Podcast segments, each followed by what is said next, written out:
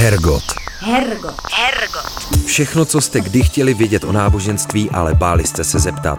Hergot. Víra a spiritualita ze všech stran. Hergot na rádiu Wave. Krásný nedělný podvečer začíná Hergot pořád o duchovnu, spiritualitě a náboženství. Od mikrofonu vás tentokrát zdraví Fatima Rahimi. Nemějte obavy, dlouho sama nebudu, za chvilku se ke mně připojí můj dnešní host, publicista a redaktor serveru i literatura.cz Jan Lukavec.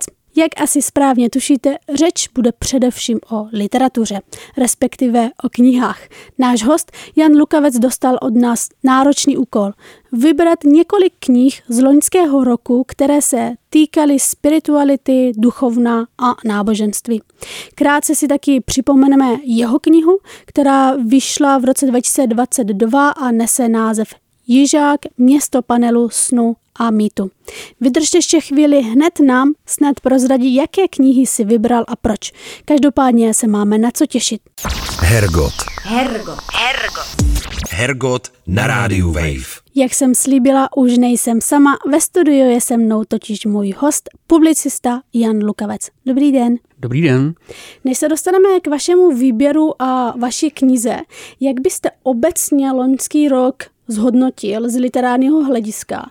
Byl uspokojivý, překvapil vás něčím? Tak obecně můžeme říct, že po covidu znovu začínají růst počty vydaných knih. Opět to bylo nad 15 tisíc za celý rok, aspoň podle údajů Národní knihovny. Takže je opět stále těžší se v těch nějak orientovat a vyznat. Obecně se třeba v anketách výrazně prosadily ženské autorky a témata, jako ženská tělesnost a emancipace.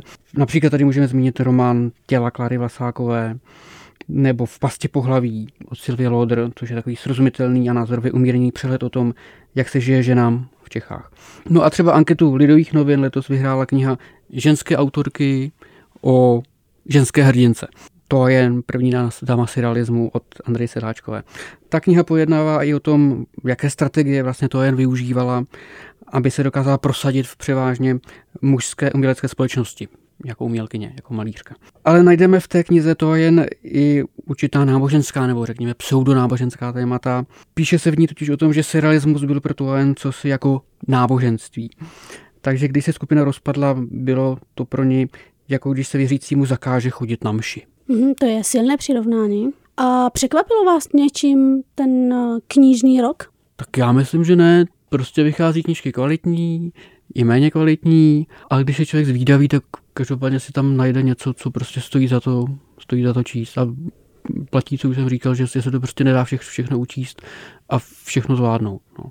Vy jste od nás dostal docela náročný úkol vybrat uh, několik knih loňského roku, které se týkaly náboženství nebo spirituality nebo duchovna. Jak těžký to bylo? Tak pro mě to těžké nebylo. Otázka je, jestli jsem vybral tak, aby to někoho zajímalo. Tak to se uvidí.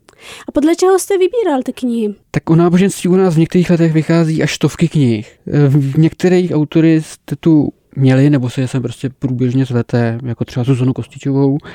Já jsem vybral i takové tituly, kde je to téma spirituality jaksi skryté, nebo není prostě na první pohled úplně zjevné. Takže jste nás sledoval a, a poslouchal celý rok a za, snažil se se vybrat podle toho, co u nás nezaznělo. Tak vy jste můj oblíbený pořad, takže, takže vás samozřejmě sleduji průběžně. Ano. Jo, děkuju.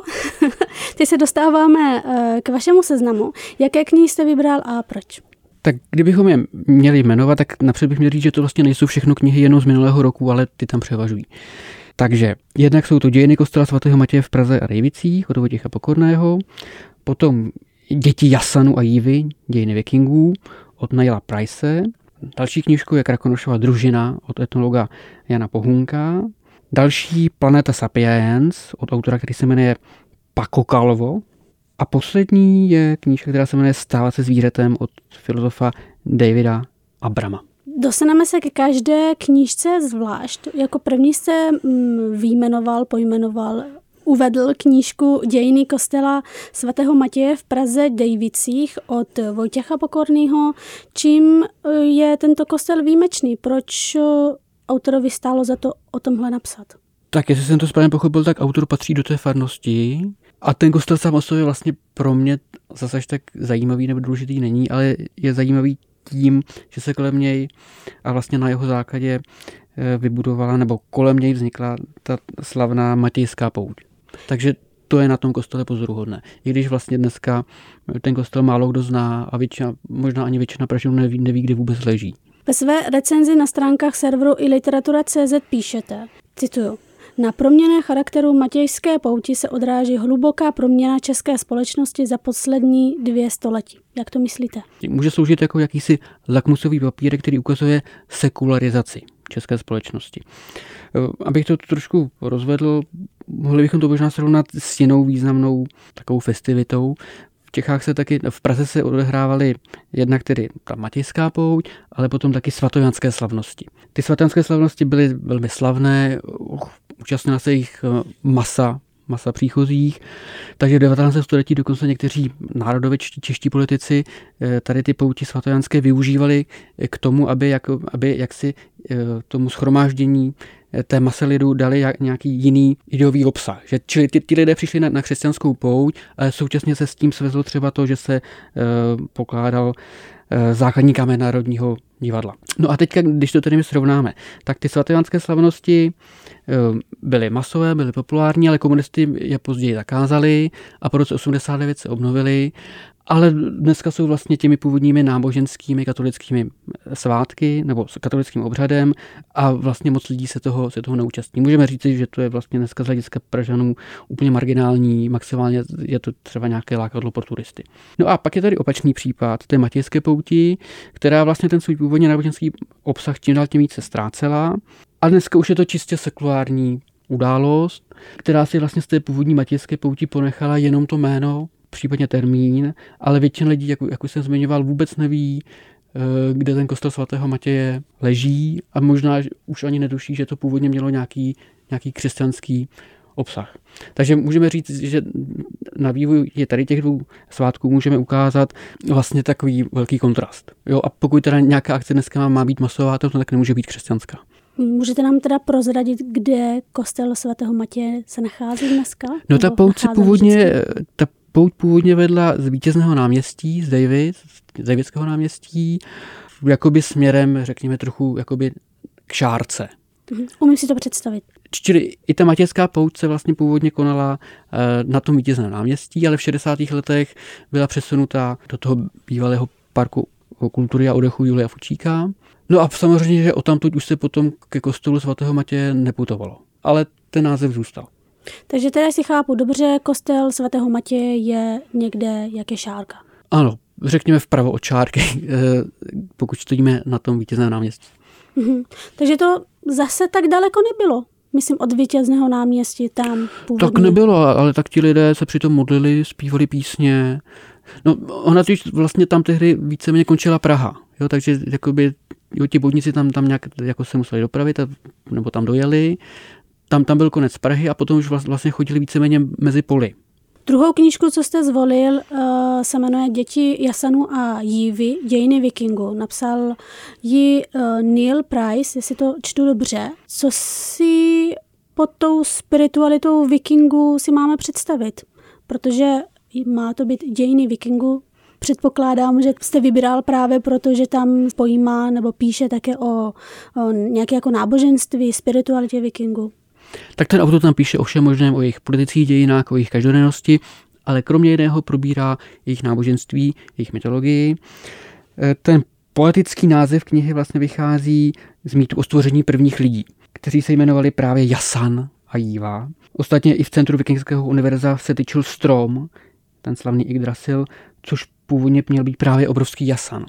No a zajímavostí je třeba to, že jejich bohové, po nich se dodnes v angličtině jmenují některé dny v týdnu, Eh, měli jisté zvláštnosti.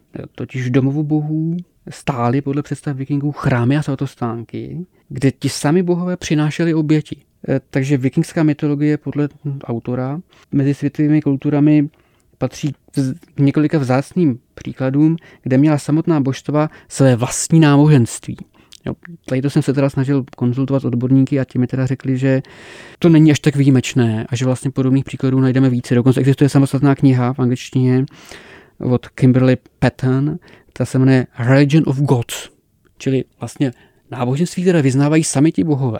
některé vikingské náboženské nebo nábožensko-mytologické představy eh, se autor snaží interpretovat v duchu dnes populárních teoretických konceptů, jakoby je aktualizuje. To je třeba případ fenoménu tzv. měňavců, teda lidí, kteří se údajně dokázali zaživa převtěhovat do podoby třeba vlků nebo medvědů, k čemuž autor podotýká, že současná západní kultura eh, vítá stále se rozrůstající spektrum rozličných pohlaví, i když všechny stále patří do kategorie lidská bytost, ale vikingové možná tuto linii překročili a už před tisícem let dospěli do fáze, kterou dnes nazýváme posthumanismem. Řekněme v tom nejlepším slova smyslu. Tady ještě uveďme, že tady v tom ten Price není žádnou výjimkou. Podobně třeba filozof vědy a antropolog Bruno Latour interpretoval proměnu řehoře samci v hmyz. No, že je to vlastně nějaký způsob, jak se přiblížit přírodě, jak se můžeme stát zvířetem, ale v tom zase pozitivním slova smyslu. No a třeba severskou vizi zániku světa, toho Ragnaroku, interpretuje Neil Price mimo jiné jako projekci obav Islandianů z všudy přítomné hrozby krutých přírodních podmínek. Podle tohoto, řekněme, ekokritického pohledu je celá severská mytologie prochnuta intenzivním zájemem o přízrak nadcházející neodvratitelné apokalypsy, symbolizující stále obavy civilizace, která se občas ocitla na pomezí malého přežití. Čili tady v tom slova smyslu by nám nějaký ten ekologický Ragnarok vlastně mohl hrozit pořád. Z vikingy je hodně spojen i nějaké jako dobývání daleké kraje. Měla třeba ta touha objevovat, dobývat uh, daleké kraje nějakou oporu ve vikingském pohanství? Tak to se nejsem jistý. Každopádně vikingové byli takový, byli prostě hodně cestovalí, byli velmi zvídaví a nejenom, že teda dobývali, ale i objevovali. Jo, on tam uvádí příklady uh, vikingů, kteří například pracovali v Hagie Sofii jako nějaká ochranka, řekněme dnešními slovy. Dokonce se v Hagie Sofii v Istanbulu dneška zachovaly uh, vikingské runy, čili nápisy, které tam zachovali tady, tady ti lidé. No a nebo je dochovaný příklad uh, nějaké příslušnice toho vikingského kmene, která ve svém životě stihla být v Severní Americe, kde vikingové měli měli osady a nakonec zemřela jako jeptiška v Římě, protože konvertovala ke katolictví, respektive ke křesťanství. Čili autor tvrdí, že ve své době to velmi pravděpodobně byla vůbec nejstestovalejší žena na celém světě. Každopádně, ano, my si teda ty vikingy často představujeme jako takové následnické bojovníky, což je také pravda, ale autor tvrdí, že to prostě taková byla doba. Vikingové byli tvrdí a krutí, protože krutá byla celá ta doba. Ale kromě toho říká, že na nich najdeme samozřejmě i spoustu dalších stránek pozitivnějších. Mimo jiné jim přiznává hluboko sepětí s přírodou, i když je nám lidé moderní doby podle Price vikingská mysl velmi vzdálená. Někdy ji můžeme v náznacích vycítit. Tady bych možná ocitoval, zkusím třeba napodobit kolegu Čejku. Když kráčíme nočním lesem, či pozorujeme, jak se měsíc zdvihá nad černým polem za tuhle lávy, když zdravíme jaro ve znepokojivě klidných vodách jezera, na malý okamžik se s ním můžeme spojit, tedy s tou myslí těch, těch vikingů.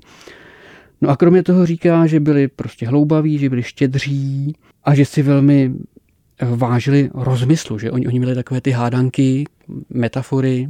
Takže celkově ten Price říká, jsou i horší způsoby, jak vstoupit do dějin, což má samozřejmě pravdu.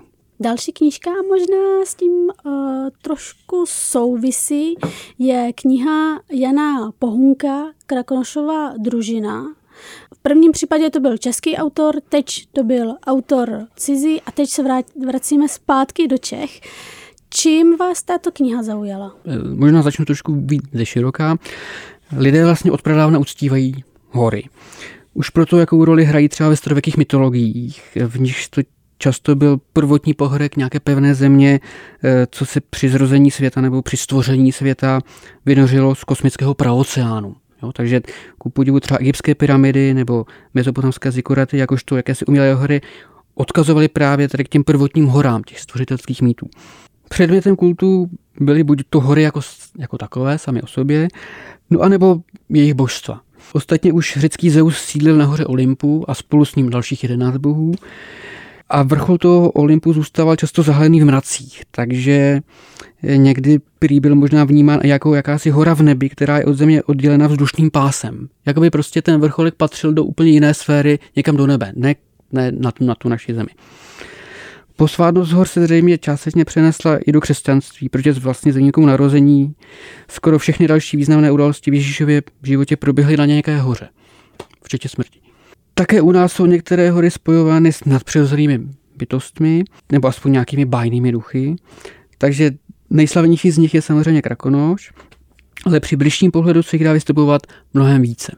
No a právě etnolog eh, Jan Pohunek si dal tu práci a bedlivě vystupoval, jaký je původ všech tady těch možných duchů a zajímavým způsobem je srovnal. Píše tam samozřejmě o těch, kteří jsou jako slavní, ale i o těch, kteří eh, jsou zatím, jako nez, kteří jsou zatím neznámí. Píše tam i o bozích té, těch tradičních, jako je třeba Radegast nebo Odin, ale tady v tom případě je, je skeptický jo, a, a víceméně vyručuje, že by třeba na Radhošti byl skutečně nějaký kult toho bájného boha Slovanů, Radegasta. Podobně jako si třeba nemyslí, že by, že by praděd jakkoliv souvisel s kultem boha Odina. No a na druhou stranu zmiňuje i bohy nebo duchy, nebo často jsou to i strašidla vlastně, kteří vznikli relativně nedávno. A u některých dokonce vlastně přesně známe to datum. Jo, třeba Rampušák, který má pocházet od lidských hor, tak o něm přesně víme, že do éteru, respektive do veřejného prostoru vstoupil přímo tady na vlnách Československého rozhlasu roku 1962, protože víme, že to je prostě vymyšlená bytost. Jako základem toho, toho sdělení Jana Pohunka je víceméně to, že eh, ty bytosti původně neměly moc jako dobrý charakter, často to byly eh, víceméně jako démoni, a teprve v postupné dobu, doby se ten jejich charakter jakoby samozřejmě v těch lidských představách vylepšoval. Jo, takže A jak i, se to stalo, to tam vysvětluje? No, takže i Krakonoš původně prostě byla bytost, která byla jakoby svéhlavá. Rozhodně to nebyl prostě dobrotivý stařeček s plnou vousem. Jo, byl to prostě spíš vypadal jako nějaký skřet, jo, nebo démon. No a často prostě zosobňovali nějaké zlovolné přírodní živly. No a teprve postupně se prostě transform, transformovali v jakéhosi spravedlivého vládce hor. A Pohunek ukazuje, že podobným vývojem zřejmě postupně prochází i další podobné horské postavy. Nezřídka právě podle toho Krakonošova vzoru. Jo, po jeho vzoru nedávno vznikl i ochranný duch Šumavy, který se má, má jmenovat Šumavous. Jo, musím říct, že, že u některých tady z těch bytostí jsem se poprvé dozvěděl až té knížky. No, proč to tak je? Samozřejmě na tom můžou být různé teorie.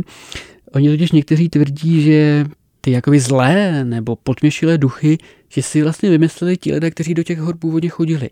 Že, protože ano, chodili tam nějaké bylinkářky, chodili tam lidé, kteří zkoumali, jestli by se tam nenašly nějaké, nějaké drahé kovy, nebo případně už potom teda horníci. No a oni třeba moc nestali o to, aby jim nám chodil někdo jiný. Že? Oni si říkali, výborně, tak to bude naše, to bude naše hájemství, my tady prostě budeme čerpat z toho, co potřebujeme. No a když ty ostatní postrašíme, tak to bude perfektní, že jo? Někdo jiný nám, nám sem nebude chodit. Tak to je jedna taková jakoby teorie. No a můžeme říct, že vlastně to, že ten krakonož získává prostě takové skoro božské rysy toho prostě eh, toho skoro boha, že jo? prostě božstva, které je spravedlivé, které, které odměňuje, které vládne hromy blesky, no tak to je vlastně ruku v ruce se sekularizací. Že? Takže můžeme říct zase, že s tím, jak prostě upadá autorita těch tradičních náboženství a zvlášť teda toho křesťanského boha, no tak tady prostě vystupují nějaké jako náhražky, které jsou trošku jako pohádkové, ale jsou lidé, kteří jim aspoň trošku jakoby věřit můžou. Jo, samozřejmě Jan Pohunek tady z toho hlediska je prostě striktní vědec, takže tento všechno bere jako nějaké orální historky, případně jako nějaké fiktivní výtvory a ani náznakem prostě by se nesnaží jakoby naznačovat, že by to mohlo být nějak, nějaký reálný základ. A i co se týká tedy eh, těch možných kontinuit s těmi původními náboženstvími pohanskými, tak jak už jsem, jak už jsem naznačil, tam je velmi skeptický. Ale jsou dneska lidé, kteří eh, jsou mnohem, mnohem otevřenější. Existuje kulturolog Petr Mikšíček, který mm-hmm. u nás trošku jakoby se snaží revitalizovat víru ve víru, která se jmenovala Barcevila. No a ten, jako, ten prostě říkal, když jsme ji znova postavili tu sochu v těch Orlických horách, no tak se z úrlí vznesl oblak, a, a ten tu suchu jakoby zahalil. No a já jsem to pochopil tak, že víla je tady s námi a že prostě tu suchu jako přijala.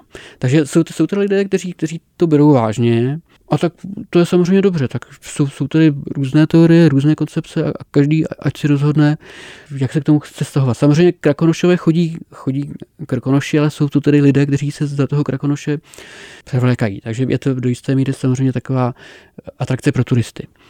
Ale mně se na, na tom líbí to, že eh, tady ty bytosti jednak, nebo minimálně zájem tady o, o ty bytosti v nás může trochu povzbudit eh, bádání po, po místních orálních tradicích, No a současně to v nás může, nám to může připomenout, že ty hory prostě jsou hrozivé, můžeme je prostě vnímat i, i jakoby pozvátné a že bychom se podle toho k ním měli chovat. A že to, že když na ty hory vyjedeme, vyjedeme lanovkou, tak nepřestávají být kvůli tomu nebezpečné, ale aspoň teda v mých očích majestátní. Vy píšete o, o knize, že je komplexním dílem. V čem spočívá ta komplexnost? No v tom, že se ten autor snaží prostě proprátat všechny možné eh, bytosti, které by aspoň zhruba, nebo aspoň s přivřením jednoho oka splňovaly to kritérium nějakého toho horského rucha. Jo, takže proto je to jakoby opravdu hodně široké a jsou, jsou tam jak prostě ta božstva, tak ti duchové, tak ta strašidla, protože on ten Krakonoš možná taky začínal jako takové strašidlo. A když je to dneska démon, tak nevíme, jestli prostě částečně i ten turistický průmysl za nějakých 50-100 let z toho neudělá časem stejně posvátnou bytost, jako je ten, jako je ten krakonoš dneska. Hergot. Hergot. Hergot. Všechno, co jste kdy chtěli vědět o náboženství, ale báli jste se zeptat. Hergot. Hergot na rádiu Wave. Další knihu, kterou jste vybral, nese název Planeta Sapiens. Autorem je Paco Calvo. Podtitul knihy zní o inteligenci rostlin. Co tím má autor na mysli? Jak přesně jsou rostliny inteligentní podle něho? Tak ten autor není sám, kdo říká, že prostě rostliny mají určitou formu vědomí a stejně jako živočichy je možné je o toto vědomí přechodně připravit, ku podivu. Totiž chloroformem. Rostliny můžeme podle něj uspat úplně stejným anestetikem, jaké veterináři používají třeba k uspání našich domácích mazlíčků. To on tam píše. Ano. Mm-hmm. Rostliny prostřednictvím kořenů rozlišují přátelé od nepřátel a vedou podzemní boje o teritoria, tvoří si vnitřní mapy okolní půdy, podle nich se orientují a ty kořeny pak vyhledávají oblasti bohaté na živiny a vyhýbají se překážkám, které ještě než na ně vůbec narazí. Čili tady v tom slova smyslu jsou to prostě nějaké bytosti, které vnímají, které se orientují a které jsou nějak oduševnělé. A kde se tady našel eh, tu spiritualitu? No já se zase vrátím trošku do minulosti. Naši dávní předkové zřejmě žili v přesvědčení, že nejen každé zvíře, ale i každá rostlina má duši. Takže třeba kácení stromu, eh, jenž měl prý vydávat výkřiky a sténání, bylo podle antropologa Jamesa Frasera chápano jako choulostivá lékařská operace, eh, která by měla být provedena s ohledy na pocity trpětele, co možná nejšetrněji. Akorát, že tedy v té antice neměli ten chloroform. No a nejnovější vědecké poznatky mohou paradoxně znamenat návrat tady tomu prastarému pojetí, které bylo dlouho pokládané za, za překonané. No a jak nedávno ukázal třeba román Vegetariánka od jednoho korejského autora, Jehož hrdinka se transformuje do bytosti z rostlinné říše, odmítající přijímat jakoukoliv potravu a přežívající pouze o vodě. Může to sebou opět přinášet vlastně staronová etická dilemata, dříve připisovaná jenom prvotním lidem. Jo, on totiž je jistý novoplatonský filozof, který se jmenoval Porfirios Styru, tvrdil, že život prvních lidí byl údajně nešťastný. Cituji, proč by zabití vola či ovce mělo být větším zlem než pokácení jedle nebo dubu, když víme, že, že i stromy mají duši. Že, takže pokud se prostě budeme vracet tady k těm starobylým koncepcím, no tak to bude přinášet dilemata, která ten dekátorský člověk prostě, prostě neřešil. Neřešil je ve vztahu k rostlinám, neřešil je ani ve vztahu ke zvířatům. A dá se to chápat tak, že potom, co se nějak jako seriózně mluví o spiritualitě zvířat, přichází teda na řadu i uvažování o nějakém duchovním životě rostlin? No tak určitě jsou lidé, kteří o něm mluví už dneska, ale zatím jsou to spíš jako ezoterici. A nakolik se tady to chápání přenese do tvrdé vědy, to nevím. Tak vím, že dneska u nás jsou lidé, kteří prostě seriózně, seriózní věci, kteří opravdu vážně mluví o inteligenci rostlin, ale že by tihle věci mluvili o spiritualitě rostlin, to zatím ne. Tak uvidíme, uvidíme, co přinese budoucnost.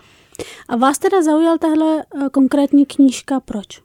No asi nejvíc mě tam zajímalo prostě tady, tady ten myšlenkový oblouk. Až když si to prostě vydáme do toho, eh, do kontextu, tak je to vlastně návrat k něčemu, co už tady dávno bylo. Jo, protože to tam ten autor nepíše. Jo, to jsem tam, eh, to si k tomu víceméně jako přidávám, přidávám já, jo, že, že, to není nový subsol, není to nic nového.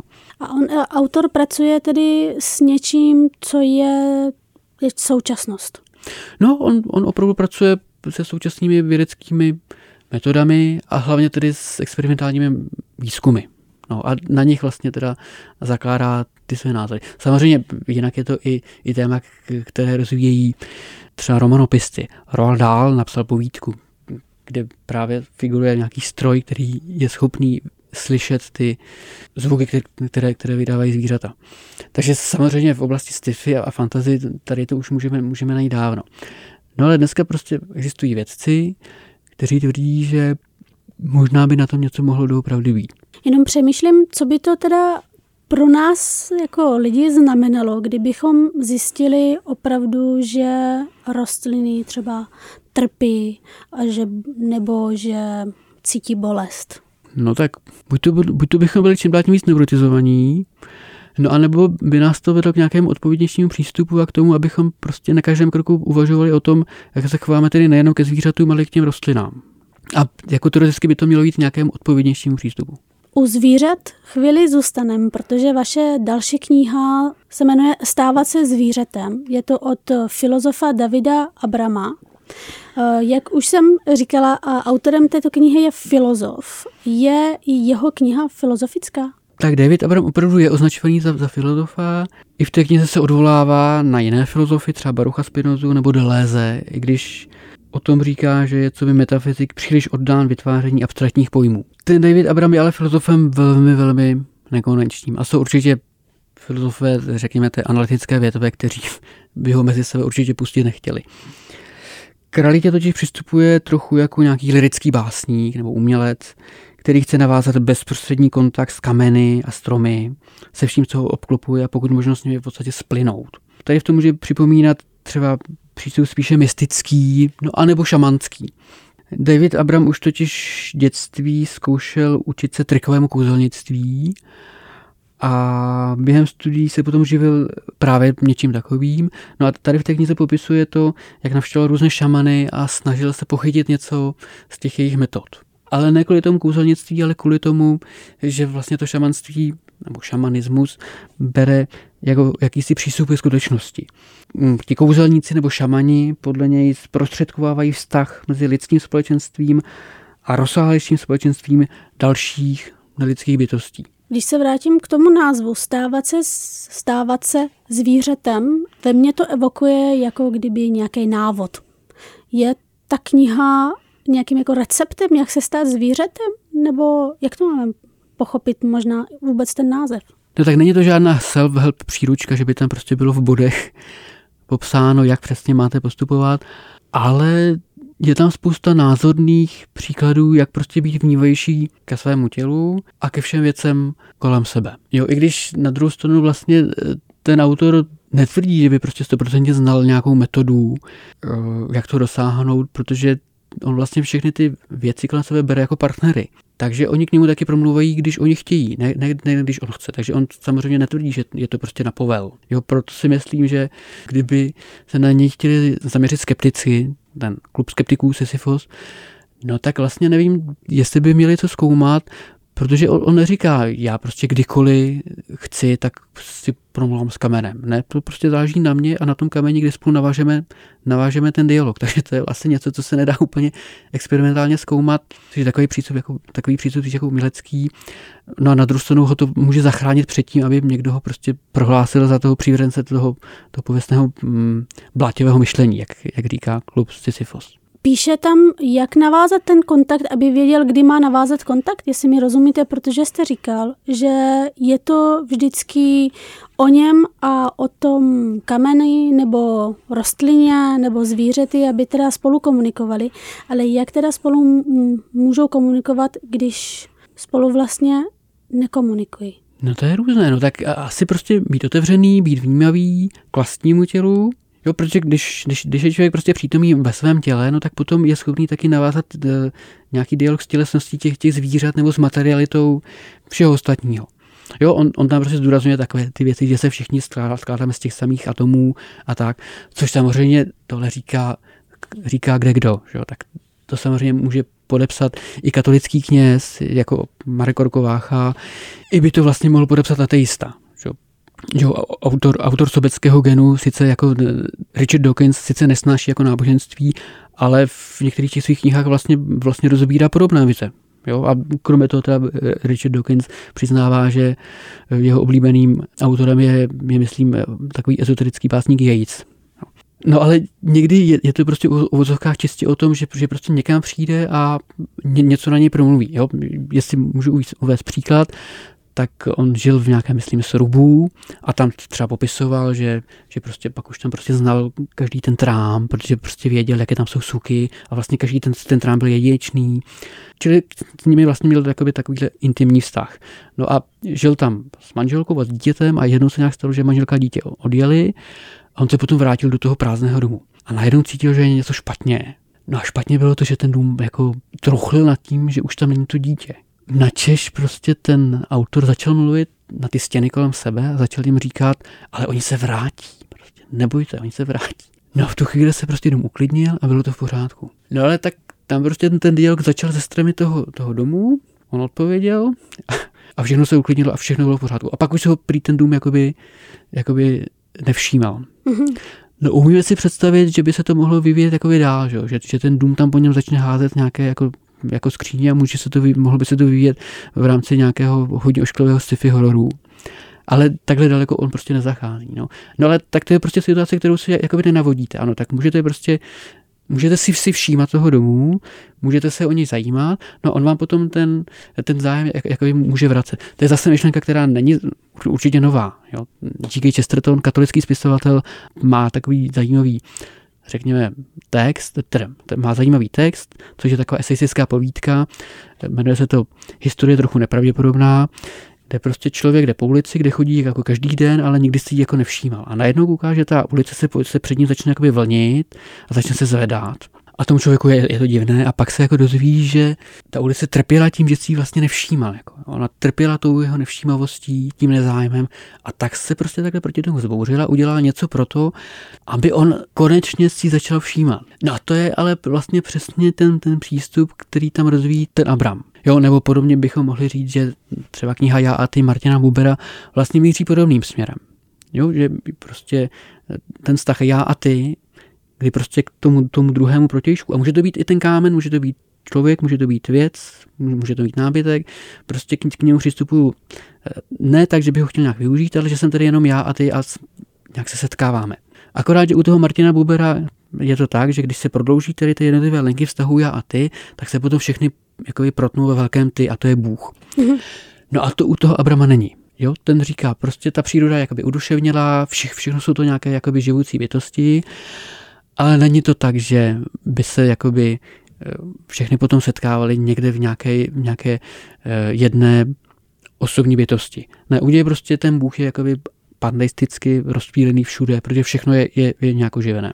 Jo, tady v tom slova smyslu on říká, ne, já nepotřebuji ani náboženství, ani kněze, ani žádné zprostředkovatele, protože e, ten kontakt s nějakou tou hlubinou, s tím posvátnem, můžu prostě navázat No asi ne kdykoliv a, a ne vždycky, když já chci, ale záleží to na mě a, a na té věci a žádného prostředníka nepotřebuju.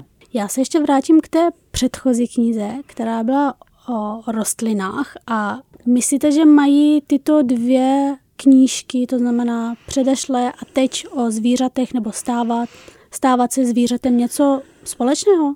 Ano, a dokonce i ta knížka o těch vikinzích společný eh, je tam ten návrat. Jo? To, že, to, že vlastně ten animismus nebo šamanismus, že to nemusíme chápat čistě jako něco, co už je dávno překonané, nebo prostě hloupé, nevědecké, ale že je to něco, čím se můžeme inspirovat.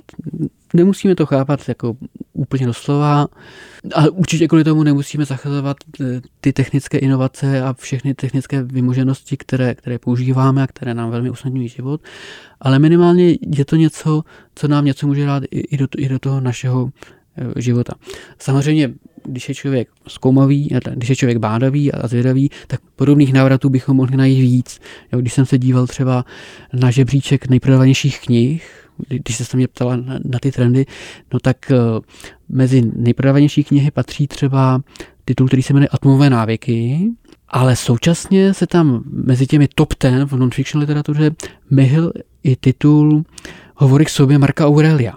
No, ono se to teď zajímavě propojuje, protože vlastně mm, Jo a kromě toho teda vycházejí takové knížky jako třeba Myslet jako císař, jak uplatit stoickou moudrost v každodenním životě, nebo stojku v průvodci pro, ka- pro každý den. No a můžeme na tom sledovat určitý prostě návrat stoicismu, jo, což je prostě hodně stará nauka, ale může být prostě aktuální i dneska. Jo? Jinak samozřejmě ten Marcus Aurelius a ty atomové návyky, ty mají spoustu věcí společného. Jo? Můžeme tam poukázat na to, že společný je tam důraz na určité sebeovládání a kultivaci vnitřní síly. Jo, takže samozřejmě nemusíme se vracet k jenom k animismu, ale třeba k Marku Aureliovi. Konečně se dostáváme k naše poslední knize a to vaše knize Jižák město panelu snu a mýtu. Podobných eh, knížek musím říct, že i já doma mám docela hodně. Myslím, že v poslední době vychází dost dějiny různých eh, čtvrtí Prahy. Eh, v čem je ta vaše kniha jiná? Tak ty knížky většinou popisují architekturu, urbanismus těch sídlišť, anebo přinášejí vzpomínky těch obyvatel. Já jsem se snažil na to sídliště podívat z trošku jiného úhlu pohledu. Snažil jsem se popsat spiritualitu, v nejširším slova smyslu, ještě řekněme v úvozovkách. A potom nějakou kulturní vrstvu. Čili snažil jsem se ukázat, jaké beletristické texty vznikají kolem Jižního města a jestli se tam dá najít nějaké výtvarno. Zase v nejširším slova smyslu. Jo, takže třeba tam ukazují, že tam působil Max Fabinský a že tam byla v 80. letech jedna z nejvýraznějších a nejmodernějších galerií v celé České republice. Nebo v celém Československu. Jižák, město panelu, snu a mýtu. Kde se schovávají ty mýty? No, zase začnu to troš, trošku uvěnout. Geografové a religionisté říkají, že čím dále se člověk nebo baratel dostane od centra města, tak tím je tam nižší ta tradiční spiritualita nebo tradiční religiozita. No ale tím více se vlastně uh, uvolňuje prostor pro nějaké ty alternativní. Jo, takže na Jižním městě máme třeba galerii Cestu ke světlu, což bylo někdy, řekněme, takové centrum New Age spirituality. Potom ty samotné paneláky v tou svojí vertikalitou můžou samozřejmě inspirovat, jakoby nejenom eh, tedy k tomu, že, že budeme jezdit výtahem a že se budeme prostě dívat, nebo že si budeme užívat ty krásné výhledy, ale prostě i k nějakému myšlenkovému pozvednutí nebo duchovnímu pozvednutí. Jo, takže eh, samozřejmě stanice metr Háje eh, se jmenovala kosmonautů, máme tam, máme tam do dneška sochy dvou kosmonautů, sochy kolem, ne, ulice kolem těch soch se jmenují Bajkonurská, čili e, vlastně celá ta trasace byla plánována jako jakési dějiny KSČ. A ty, e, ta stanice kosmonautů, to byla ta budoucnost. To vlastně mělo znamenat, až teda vybudujeme ten komunismus tady v, té, v tom Československu, no tak potom ten komunismus začneme expandovat do vesmíru. To vlastně, to, to vlastně bylo logické pokračování té úspěšné cesty budování komunismu. A je zajímavé, že jakoby tady ten kosmický aspekt, nebo vesmírný aspekt, tam zůstal zachovaný, protože právě z Jižního města pochází, eh, pochází eh, člověk, který se jmenuje Tomáš Rousek a, a je to, říká si, vesmírný astronom a, a on navrhuje eh, vesmírné stavby. Takže až jednou prostě budeme stavět nějaké základy třeba na Marsu, nebo na měsíci, to je pravděpodobnější a bližší, no tak uh, možná, že se tam právě bude stavět nějaká jeho stavba, no a on pochází z Jižního města a říká, no já pocházím z Jižního města, když se ho lidé ptali, jak ho to vůbec napadlo něco takového vlastně navrhovat. Takový šílený nápad. On říká, no pocházím prostě z Jižního města, to celé je takový jakoby experiment, no a pro mě to vlastně bylo uh, inspirativní prostředí.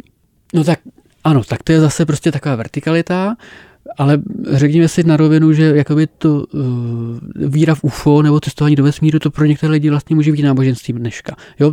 I u vás, myslím, jedna kolegyně mluvila kdysi o tom, že existuje sekta paní Kyslíkové, respektive taková zajímavá náboženská skupina. No a ta právě měla jednou setkání eh, na jedné louce na Jižním městě, tedy bez paní Kyslíkové, protože ta, ta zrovna neměla peníze na to, aby dojela, aby převibrovala.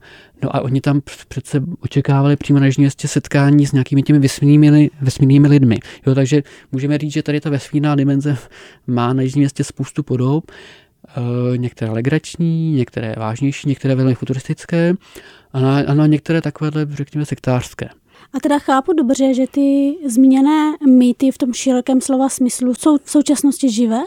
Tak to slovo mýtus je jako velmi široké, takže já tam s ním tak, tak prostě jakoby, i, i ten název je samozřejmě nadsázka, jo, tak můžou být nějaké mýty o, o založení toho města, potom můžou být mýty o, o jeho původu, nebo eh, potom můžou být mýty o, o jeho zániku, no a ale to, že vlastně jak, jakoby se sejdeme na nějaké louce a převibrujeme, to je nějaká vize, ale v nějakém slova smyslu je to taky mýtus vlastně. No.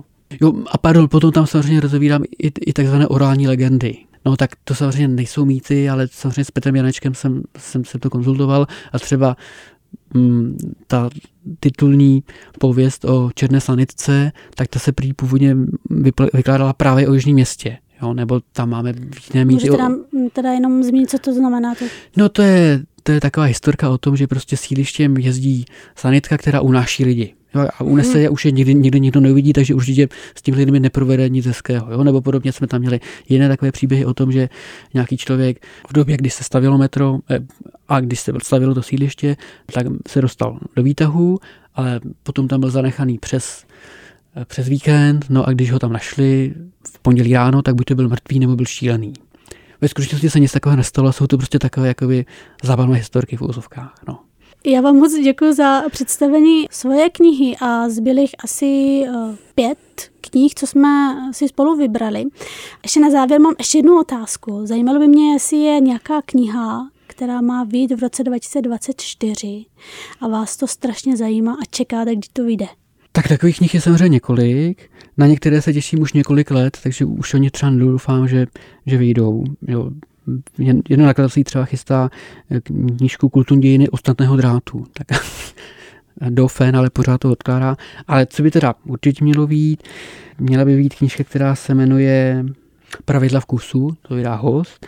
A měla by to být taková sociologická práce o tom, kde se vkus bere, jakým způsobem se utváří a jaké má, má sociální důsledky, čili předpokládám, že to bude taková burdiovská analýza.